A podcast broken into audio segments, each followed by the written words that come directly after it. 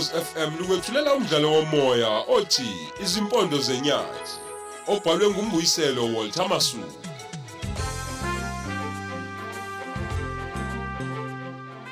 Nasi esesithuba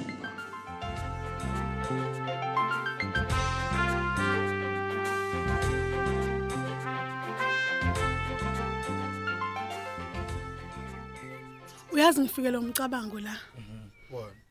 Wokuthi mhlambe siye emaphoyiseni siyovula icala lokuthathwa inkomo zami ngenkani ile nje umabalengwe Nawe hlezi ucabanga ukuthi lamaphoyisa asehlobana angayibuyisa inkomo zakho. eyiphi enye indlela esingenza ngayo umdolobha ukuthi ikwazi ukubuya inkomo zami angithi uzamile yona ukuzeqisa wenze njani nomlungu wasibamba Kodwa uyazi nawe hlezi ukuthi lamaphoyisa angeke ayisukumele. Eish. Njengoba iphatha umabalengwe nje, awudlala ngesikhathi sakho. Engiyazi mnguni kodwa ngiyacela bandla ongena nasambe siyoyilahlela uyazi mase bengibona sebezwa nendaba yami mhlambe ngenze abangidabukele nje Into engiyibonayo la mina uzoyibangela ubutho obukhulu nje kumabalengwe ngenxa yokumvulela icala. vele siyizitha mnguni angeke nje mina ngikwazi ukuthula ethatha inkomo zendoda yami ngoba nakho ngicenga ukuthi angithande hayibonge ngikwazi Lungile mase noma kuukuchitha isikhathi nje ngobala. Sengenzela wena ke nje. ngiyabonga Ey mina nginyanya kabi le police station la ehlobane. Hey, ngoba ivuna nje umabalengwe noma esichabaza.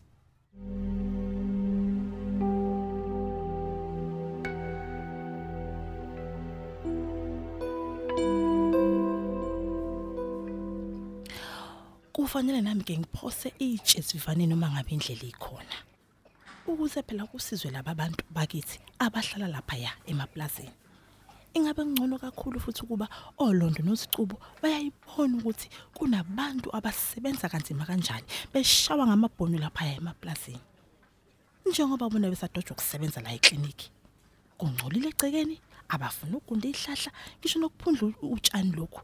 Into nje abayaziyo yenye ivo uyophuza lezi igubhu zabo ngesikhathi somsebenzi. Ubafune ngapha nangapho badinga ungabatholi basotshwaleni bona ngesikhathi somsebenzi. Hayi. Ebese kuba okunyeke nje ungiphatha kabi nami kakhulu njengomhlengikazi ukuthi lapha ya kuleli yaplazi abanawo amakhondomu ukuze phela bazivikele kwigciwane lesandulela ngculaza. Uma ngabe ngithola ithuba noma ngabe mhlambe ngithola inamba yaseplazini komele ke ngicela ukuthi ke sifike ke sizokhuluma nabasebenzi baseplazini ngalesi sifo. Ebese phela siyabahlola abathanda ukuzazi isimo sabo. Hey ay njengamanje phela uhulumeni wethu nomnyango wezokuthuthukisa kwezindawo zasemakhaya kanye nezemhlaba yazi ngicabanga ukuthi angalekelela ukusiza abahlali abasebenza emaplazini kuzofanele ngiyithole le namba yakhona. Ngibafonele ke ngibazise nje ngalesi simo saseplazini kwafuduka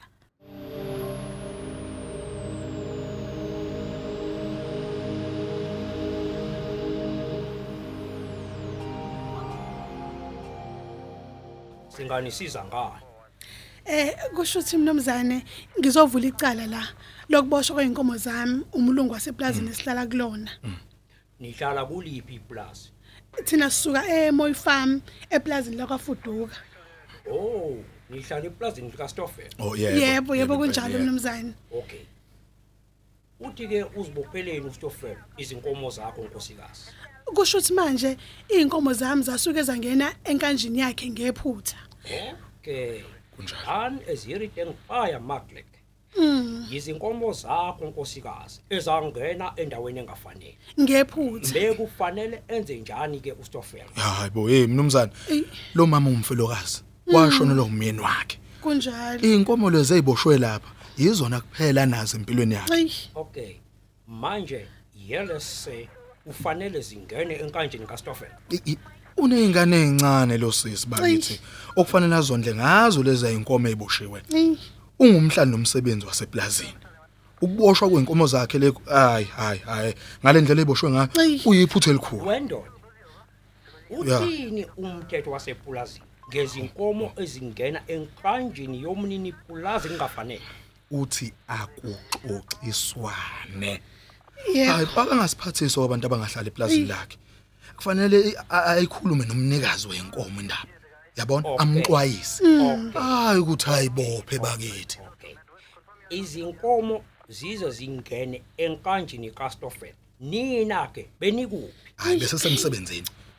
Inkomo zethu zinenkambi lapho siyifaka khona ekseni zafohla ke phela. Zangena enkanjini yomlungu ayi singaki izinkomo eziboshiwe? Ziyishumi nambili. Niyabona yonke indawo inemithetho yakhona. Uma wephula imithetho kusuke kufanele ukuthi uxoshwe kuleyo ndawo. Hayi bo.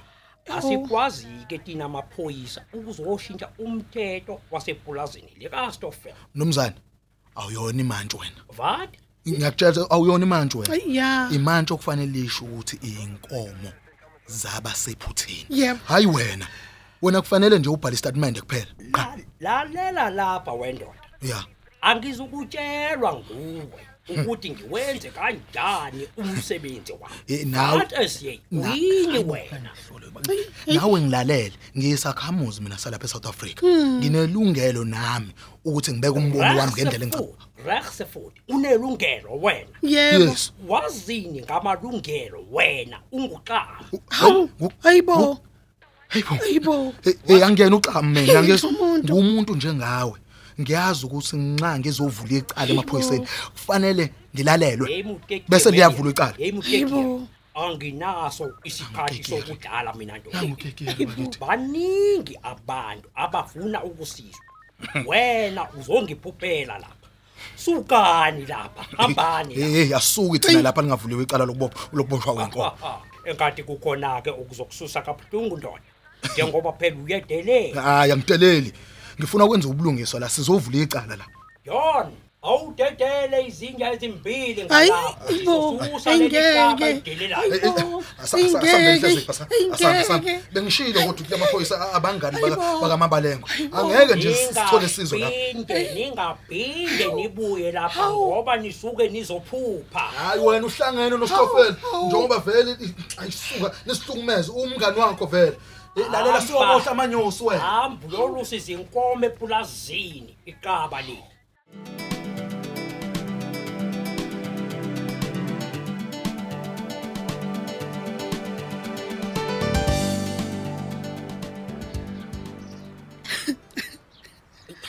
Njengoba bengishilo Mhlezipho ukuthi ngeke sisizakale kule police station. Abangani bakamabalengwe bonke lapha ya. Ayi. Hayi, ungakhali phela. Ungakhali. Kuzolunga sisi. Kuzolunga kanjani? Kuzolunga kanjani emthembeni ngoba inkomo zabantu abami ngeke ngisayithola nalamaphoyisa nawo afuna ukusisiza. Hayi ngisazocabanga Mhlezipho ukuthi ngempela kuphi okufanele ngikwenze makunje akukho ngakwenza emthembeni inkomo zami mina ngeke ngisayithola Ah ungasho phela ulahle ithemba hlezipho uzoyithola inkomo ngeke ngeke emthembeni ngiyalahla mina ithemba. Ngizoyithathaphi le mali yo-6000 efulo umabalengo? Njengoba esiholile amakinati nje ngizoyithathaphi le mali? Hayi ngiyakuzwa kodwa asambe sogibela itekisi sibuyele eplazini ngizoyicabanga le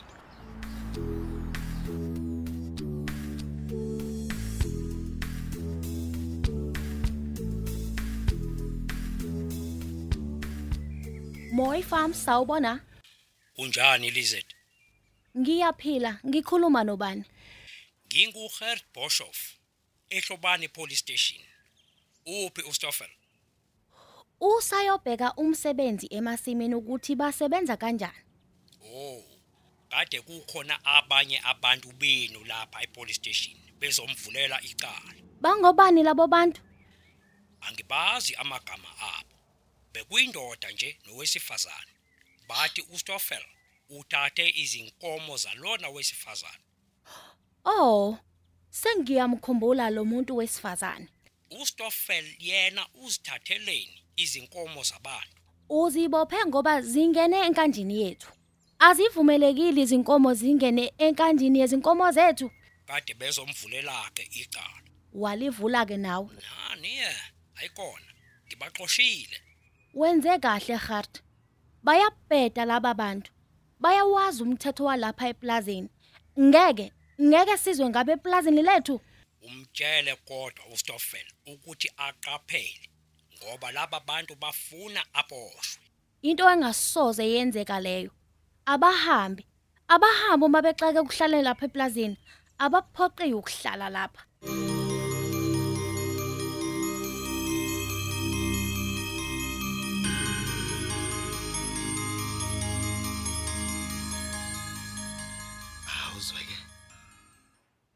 sengisithengile isibindi sengwenya. Isiyabiza sona? Buka nje into encane kangakanani? Kodwa ibiza 100 rand? Ungile kodwa kunalutho. Ngifuna ukudlisa lezi zinja zikamabhalengo ngiziphindiselele kusona. Ngeke ngivume phela ngiyindoda ngimdala kangaka ngizodika dikwa imigodo bese kuphela nje kalula kanjalo. Kodwa ngifuna uhleziphi ukuthi abone ukuthi ngiphethe lesibindi sengwenya ayingasuka thuki. Angibone sengathi ngumthakathi. Kuthi uma seyifile lezi zinja lezi zikamabalengwe bese sola mina. Phela lento engizoyenza njengamanje icayi kabi. Angifuni yazi umuntu.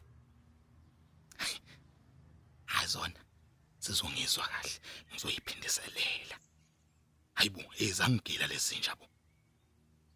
Yazi ngifuna ukuzwisa ubuhlungu leli ibhunu lobu buhlungu la ngizwisa bona.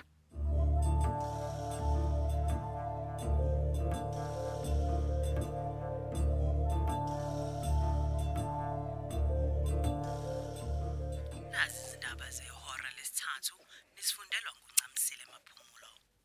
Umnikazi wepulazi lasophongolo enyakatho nesifunda saKwaZulu Natal udubule wabulala umsebenzi wakhe ecabanga ukuthi yimfene.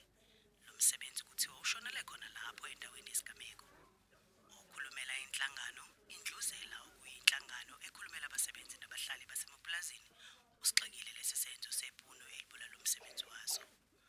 umnumzane Bheki Nzimande wenhlangano indluzela ucela uhulumeni ukuba angenelele ukuvikela abasebenzi nabahlali basemapulazini abahlukunyezwa kakhulu ngabanikazi bamapulazi uthi inhlangano yakhe ilithathela phezulu udaba lokuhlukunyezwa kwabantu basemapulazini kubeka ukuthi Hawu. bayakhombisa abasoka laba bantu bendluzele. Abasasho ukuthi batholakala kuphi uma ngabe umuntu ebafuna. Phela belindele ukuthi abomsakazo-ke noma bona bazoyisho inamba yabo. Khona ngizokwazi ukuthi ngibafonele. Kungani bengasho ukuthi batholakalaphi ngempela? Hayi yasela amabhunu ndini? Ayisa. Hey angadubula umuntu wakithi nje emfanise nemfene? Yingoba sibabe ngaleyo ndlela ukuthi nje sesafaniswa nemfene isimanga lesi. Yona ke lemfene yona ifanele ukudutshulwa yini? Yas anyanya. Yacasula nje lento. Yinhle yona lenhlangano ekuthiwa yindluzele. Uma nje izololeba abasebenzi nabahlali basemapulazini laba phela abaxashazwa yilamabhuna akukhohlakele ake ngivele ngenela kwi-internet yefoni yami ngiyicinge kahle le nombolo noma yinoma yini nje engabathola kuyona laba bantu. Ngizokwazi ukuthi ngibathinte.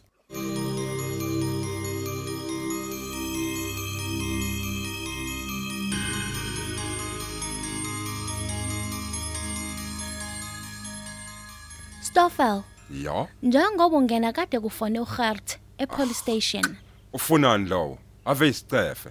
hayi no ubexwayisa ngabantu esihlala nabo lapha eplazini abafika kuyena bezokuvulela icala Hawu. Obani futhi labo?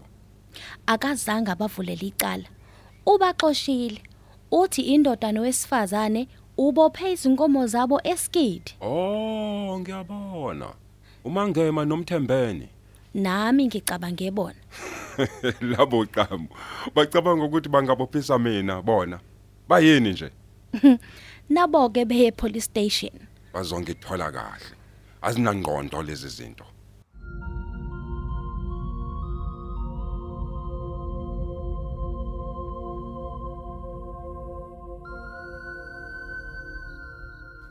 Uyazi Mdolomba ngifuna nje ukukubonga ngakho konke ongenzela kona indlela onginakekela ngayo hayi ingikhumbuza nje umyeni wami esaphila. Ifana ncamashi Ngiyabonga uma uthi uyakubona lokho uthi ngiyakunakekela hleziphi. eh ube ngithanda umyeni wami. Engihlonipha njengenkosikazi yakhe ayithandayo. Umuntu onjengawe nje hleziphi umuntu okuthandwa vele. Anakekelwe, yabo, avikelwe. ngayo yonke indlela. Angazi ngabe ngenze njani ukuba wukho nje. Hleziphi eh. Impilo yaqhubeka sisi noma umyeni wakho obumthanda esedlulile emhlabeni impilo kumele iqhubeke. Kunjalo mngoni usele wena emhlabeni. Awusele wedwa hleziphi usele nabantu abakuthandayo nabangadela nje konke ngenxa yakho. Hayi ngikuzwa kahle. Konke engikwenzayo kuwe kumele ngilikhulume nje iqiniso namhlanje. Mm. Eh, ingoba ngiyakuthanda nami. Hayibo ngicela ungivumele hleziphi ngibe sempilweni yakho? Hayi angisakuzwa ke manje mthembeni. Umthetho wakho ufuna ukuthini? Yabo lokho engikushoyo. Mm. Sengiyehlule uyibamba manje. Uyibamba ini mngoni ngiyakuthanda hleziphi hayibo kade ngangifuna ukudlulisa lo muzwa wami kuwena. Indaba engaka ngicela ukukholwa engikushoyo hayi cha mthembeni. Bengingasho lokho mina kuwena. Mthembeni mina uyangidida manje ngalento oyishoyo. Uyazi uqhuba lento kade uyenza izole ebusuku ngilele embedeni wami. Uyazi ukuthi ngicasule kanjani lento oyenzile? Awu- awuxole hleziphi awu. Bengizwa amakhaza nje. Hayi hayi hayi. Futhi nje ayikho into yadi ihlekisa lapha yana hayi cha ubungabuyela ingane endlini yakho uyolala embedeni wakho nengubo zakho. Ah imali hleziphi singaxabani phela sisi hayi eh I- i- imini yonke mina nawe bes besiphathene hayi. sizana. Awu sesoxabana manje ntambama Hayi. siseplazini Ah emthembeni ukuthi wena udala yonke lento lena. Ngicela ungaphinde nje nangelinye ilanga uyisho leyo nto kumina. Hawu ukuthi ubungisiza kusho ukuthi ngishele. Hayi ninjalo nina abantu besilisa ninqaba nje umuntu wesifazane mekwajwayelana nawe wakuhlekela usubona ukuthi fanele umshele. Hayi imake u- uma umthandayo kumuntu ke hleziphi kumele wenze njani ngicela ukuzwa kuwena phela uyazini? Yeah. Yazini emthembeni ngizokusho kanye lokho. Ngilibongela usizo lakho bhuti.